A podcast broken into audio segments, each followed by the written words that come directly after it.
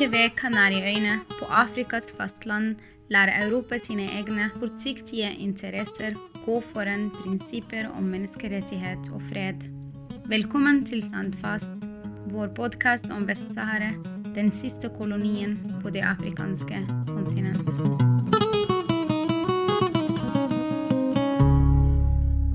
Velkommen til denne episode.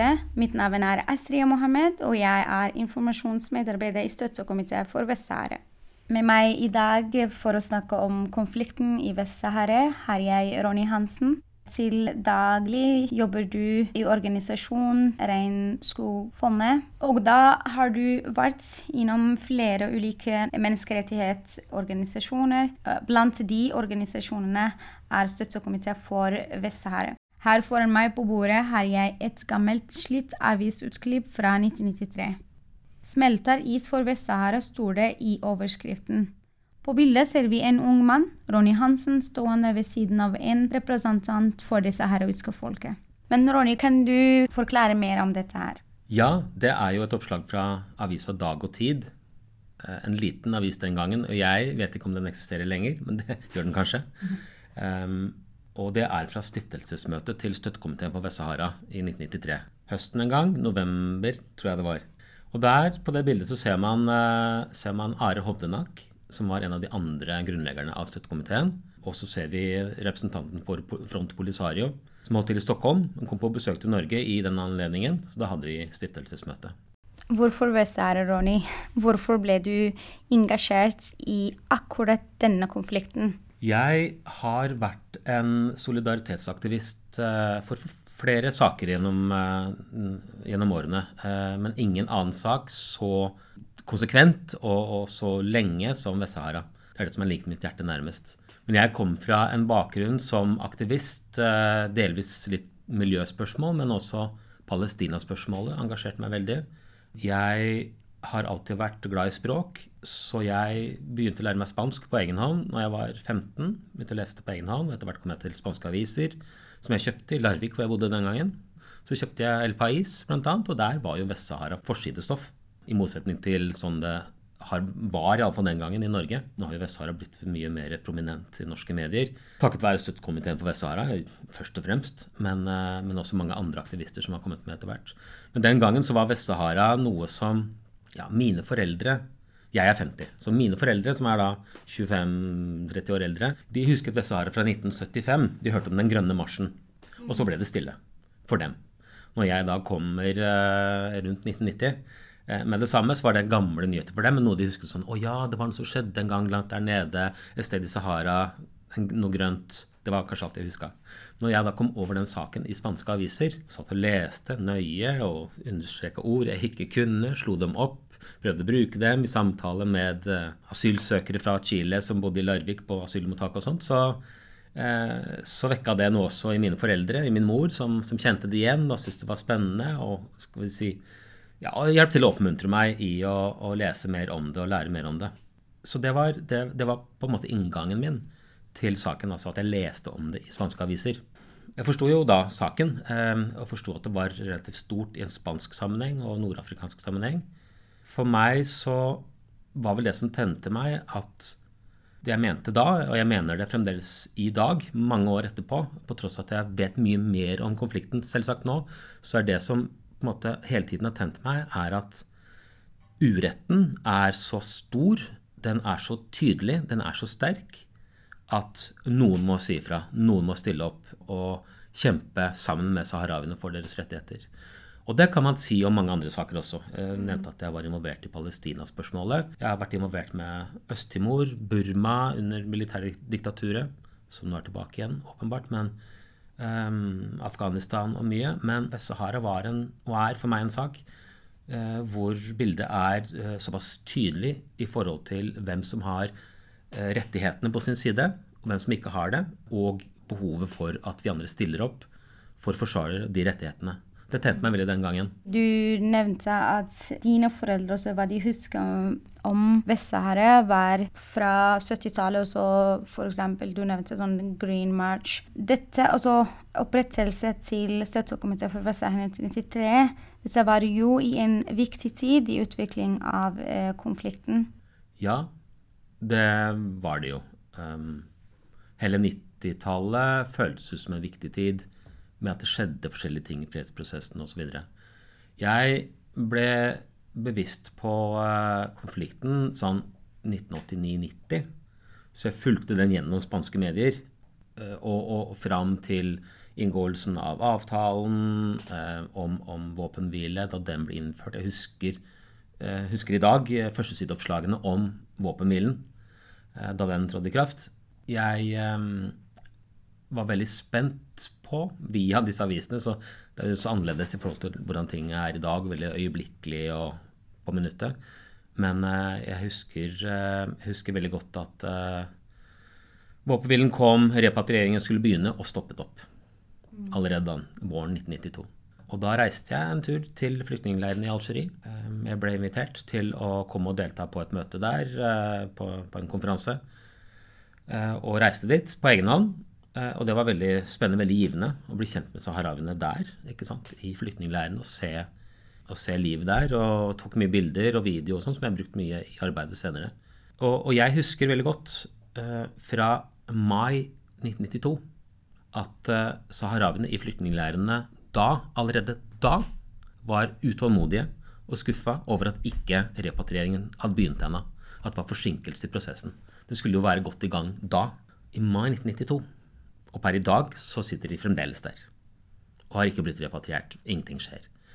Og det er også en sånn en slags motivasjon jeg tar med meg videre, har tatt med meg videre. Det er den følelsen av, av håp, av muligheter, av en avtale mellom, den, mellom partene, FNs deltakelse, eh, OAU den gangen, som har blitt Den afrikanske union. Det var et stort internasjonal Eh, stor internasjonal innsats for å få det til. Og partene hadde tilsynelatende strukket seg for å få til noe stort og viktig. Og så stopper det opp med en gang. Og den frustrasjonen som var den gangen blant uh, flyktningene, uh, den var det til å ta og føle på. Og det har liksom ligget med meg hele tida. Den følelsen av det må skje noe nå. Vi må trykke på. Det må skje. Det må skje. Det var en, en tid da egentlig alle Det er rart å snakke om det fordi man er uansett selv som en aktiv person i solidaritet med, med, et folk og deres kamp, så er man likevel ekstern. Man er alltid et skritt utenfor i det behagelige, frie nord.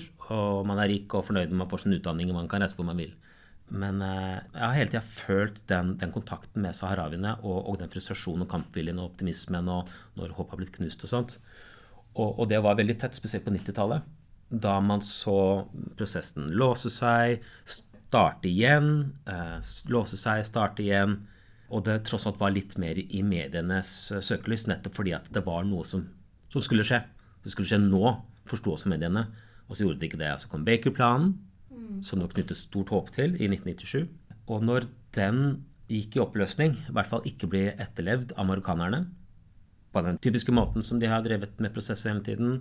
Manipulasjon, løgn, bedrag, utsettelser, krangle på komma, punktum her og der, for å sørge for at det ikke skulle skje noe.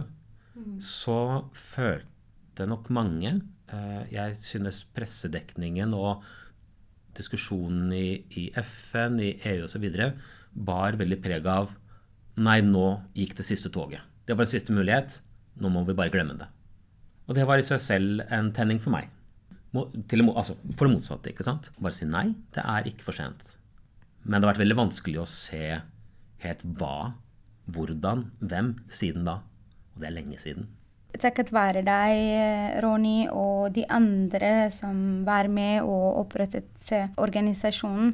Men i år fyller støttekomité eh, for Vest-Sahara 28 år. Hva tenker du om det? Og så hadde du sett for deg at konflikten skulle være uløst såpass lenge. Ja, For det første så er jeg glad for at du sa 'dere', fordi at uh, vi var flere som tok initiativ sammen. Mm. Are Hovdenak, uh, Arnold Ask og jeg. Hans Morten Haugen var med fra veldig tidlig. Og det har vært mange som har vært med gjennom årene. Ja, formålet var nettopp det å Flere av oss kom fra den bakgrunnen som solidaritetsaktivister og, og, så at det hadde en opplevelse at det nytta å mobilisere folkelig opinion. Selv om motkreftene da og nå er store, de er enorme, de er mektige osv., så, videre, så har man sett at det, det, har gått an å mobilisere mot diktatur, mot okkupasjon. Og eh, man hadde på en måte mange eksempler på internasjonalt at det gikk an å mobilisere mot urett i solidaritet. Så, så det var en sånn, eh, en, en sånn optimistisk, håpfull eh, opplevelse at for å forenkle det litt, da, og, og, gjøre det litt sånn naivt som det innimellom kan være, og kanskje bør være, så starter man kanskje med en følelse av at nei, nå gjelder det bare at vi trår til, så fikser det seg. Hvis jeg er med, så blir det bedre, og hvis mange nok av oss gjør det, så kan vi få fikse dette. Og det mener jeg fremdeles, men motstanden viser seg å være tung og hard. Så til spørsmålet om hvorvidt eh, vi, jeg kan vel bare snakke for meg selv, trodde at det skulle vare så lenge, så er vel svaret nei. For det hadde vært et ganske vanskelig perspektiv å starte fra. At vi setter i gang nå med full kraft, bruker kvelder og netter og helger og ferier og dag og natt, som mange av oss har gjort. Og slett ikke bare jeg. Altså dere, så mange som har vært med gjennom årene, Så så mye tid. Sats det i 30 år, så skal vi se om kanskje det snart blir en løsning. Eller ikke engang da er det en skikkelig løsning. Det hadde vært vanskelig å starte med det. Samtidig så er det sånn at det er ingen som havner noen på tross av den naive opplevelsen av at det går an å endre. Som nok ingen som hadde satt noen sånn kalender for da skjer det, eller innen så og så lenge. Det har vært greit på en måte hele tiden å vite at det er langt fram.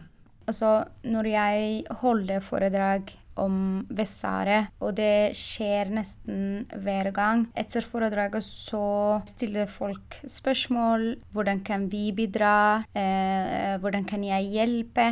Og det synes jeg er veldig Altså at det er både enkelt og vanskelig spørsmål å, å svare på. Jeg synes det er så spennende å snakke med deg, og at du forteller historie. Og inspirerende også at eh, kanskje noen studenter, andre folk som vil engasjere seg i Vest-Sahara-konflikt eller andre konflikter, trenger noen råd eller mer konkrete sånn, tips av hvordan man kan engasjere seg. Det å etablere en organisasjon eller bevegelse er en enkel sak. Det det gjør man ganske enkelt med å bestemme seg for å gjøre det og bli enige om at vi er en organisasjon i, i, dag tenker jeg at uh, vi har så veldig mange redskaper tilgjengelig. Jeg jobber jo veldig mye med sosiale medier og mediekontakt i den jobben jeg har nå. Jeg har gjort det de siste 20 årene eller så, og, og ser at det er veldig mange redskaper tilgjengelig for oss alle for å organisere oss og kommunisere. På godt og vondt. Fordi på, altså, på godt syns jeg nesten er selvsagt. Det er åpenbart. Man får lett tilgang til informasjon. Man kan lett finne andre. Ulempen med det syns jeg ikke nødvendigvis er like ikke åpenbar, men, men, den er der. Og det er at veldig mange blir metta på informasjon. Man får så mye informasjon. Inkludert fake news. Virkelig ekte, grov manipulasjon. Så det er veldig vanskelig å vite hva man skal tro på. Og man kan ofte få følelsen av at hvis jeg bare melder meg inn i denne Facebook-gruppen, vi som er for eller mot ditt eller datt, så er jeg med på noe viktig. Og det er man altså ikke, mener jeg. Det er et sted å få informasjon, kanskje, men du må rett og slett sette deg ned i et rom, helst, eh, etter korona igjen. Eh, lage de plakatene, rive seg i håret over eh, hvordan man ordlegger seg i en pressemelding, i et brev til folk på Stortinget osv. Det krever veldig mye konkret skal vi si, håndarbeid, fotarbeid, i å være effektive og være sammensydd som en gjeng, som en organisasjon, for å få til de store tingene. For å få fram de store ideene, egentlig. Det, og det er jo der det ligger. Det ligger i ideene. Så jeg tror at det å være aktivist per i dag har blitt mye lettere og vanskeligere på en gang. På den måten at motstanden har også blitt større.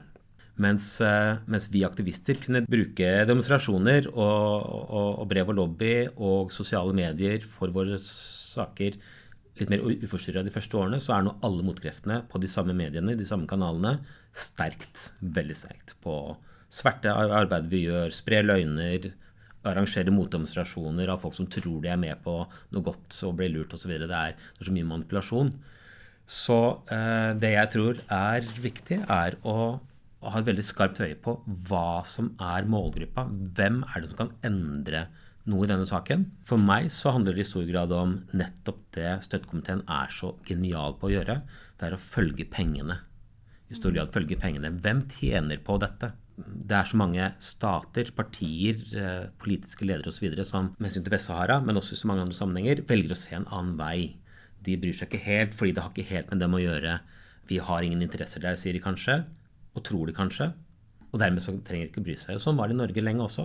I de, i, i de første årene, eller i hvert fall de første sånn ti årene, som høres veldig lenge ut, veldig mye politisk aktivisme. Vi, vi hadde møter med, med, statsministeren. Vi hadde møter med statssekretærene, sant, som er viseministrene. Med partier på Stortinget, partiledere. Vi hadde mye politisk kontakt. Men det, var, det, det vekka meg veldig tidlig den gangen, også på 90-tallet, at spørsmålet var ofte hvem tjener på dette? Eventuelt hvem taper? Det var snakk om rent økonomisk, først og fremst. Og dernest, som er parallelt ofte, politisk. Hva er EUs posisjon med hensyn til spørsmålet? Og sånn parallelt så opplevde vi også da i Utenriksdepartementet lenge blir fortalt at Norge har ingen interesser der, i den saken, i det temaet. Norge kjenner ingen der. Vi har ingen historie med handel, ingenting spesielt. Nord-Afrika er noen andres område. Spør Frankrike og Spania. Det er deres bakgård.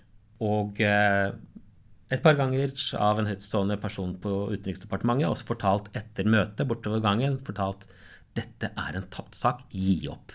Glem det. det wow. Den saken skjønner jeg ikke at dere gidder å bry dere om. Det fikk jeg et par ganger av samme person. Som i en sånn aktivist hode og ører som minne, betyr heia, heia, gjør det mer. Fordi man er trassig, man, man opererer mot odds. Så skjer jo det, som jeg kjenner, eh, kjente veldig tydelig da, og ser etterpå, som er game changeren med hensyn til norsk engasjement. For det første så, Dette sammenfaller veldig med at uh, støttekomiteens leder de siste årene, Erik Hagen, kommer inn. Han blir tent engasjert på et uh, foredrag et sted. Han satte i gang et type arbeid som, som har dominert støttekomiteens arbeid siden, og gudskjelov for det, det er det at han, han, tok tak i mye mer av den der, han, han styrka det perspektivet med 'følg pengene'. Når vi da oppdaget at et norsk selskap var sentralt i oljeleting utenfor kysten av Vest-Sahara, så sa det pang for oss. Det er litt sånn Å nei, herregud, et norsk selskap er involvert. Samtidig Å, hurra! Endelig har vi det ankeret inn i saken som sier forbindelsen mellom Vest-Sahara, som ligger så langt vekk, er noen andres bakgård. Norge har ingenting med det å gjøre, som blir fortalt hele tiden, til Norge har alt med det å gjøre. Nordmenn tjener penger på dette. Og plutselig så snur det seg på den måten at se her, Norge er involvert. Og Norge, hm, gjennom et selskap og norske pensjonsmidler, er involvert i noe veldig sentralt med hensyn til okkupasjon, nemlig å både potensielt legitimere Marokkos ulovlige okkupasjon og å betale for den.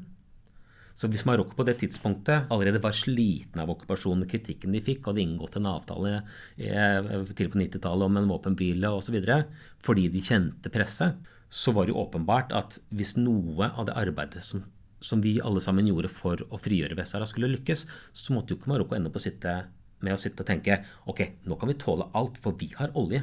Dette koster oss mye, vi har hundretusenvis av soldater, vi betaler settlerne for å være der osv. Hvis de da kunne snu det rundt og si ah, vi kan, vi kan tåle hva som helst fordi vi har territoriet, og vi har pengene. Og den anerkjennelsen, godkjennelsen som ligger i at oljeselskaper og stater rundt omkring i verden sier eh, la dem beholde det. Og det kjente vi. Her var det om å gjøre å stoppe den avtalen som TG Snopek hadde. Og på relativt kort tid så gjorde vi det. Og da så vi at vårt nettverk på Stortinget bl.a. var gull verdt. Fordi da kunne vi gjennom kampanje overfor dette norske selskapet henvende oss til Utenriksdepartementet og si se her, norske selskap er involvert i å støtte folkerettsstridig aktivitet på okkupert område. Og vi, eh, vi, kunne også Det er en litt morsom historie, egentlig, fra det tidlige arbeidet vårt. Det er at vi ba om et møte med TGS Nopec, dette seismiske selskapet som leta etter olje utenfor Vest-Sahara. Eh, og da var det to av våre venner på Stortinget, en fra SV, Bjørn Jacobsen, og eh, en fra KrF, Lars Riise, som eh, meldte seg frivillig til å være vertskap for møtet. Så istedenfor at du skulle være på en kafé eller på en benk eller på et ikke-eksisterende kontor for vår del da, så, så, kunne vi si ja, men ok, vi flytter møtet vårt til Stortinget til våre venner på, i utenrikskomiteen. Og da når de kom dit fra TG Snopek, så følte du det presset veldig tydelig. At de skulle på Stortinget og svare til oss. Og i det møtet så satt jo disse stortingsrepresentantene og var mye hardere på selskapet enn vi noen gang hadde vært.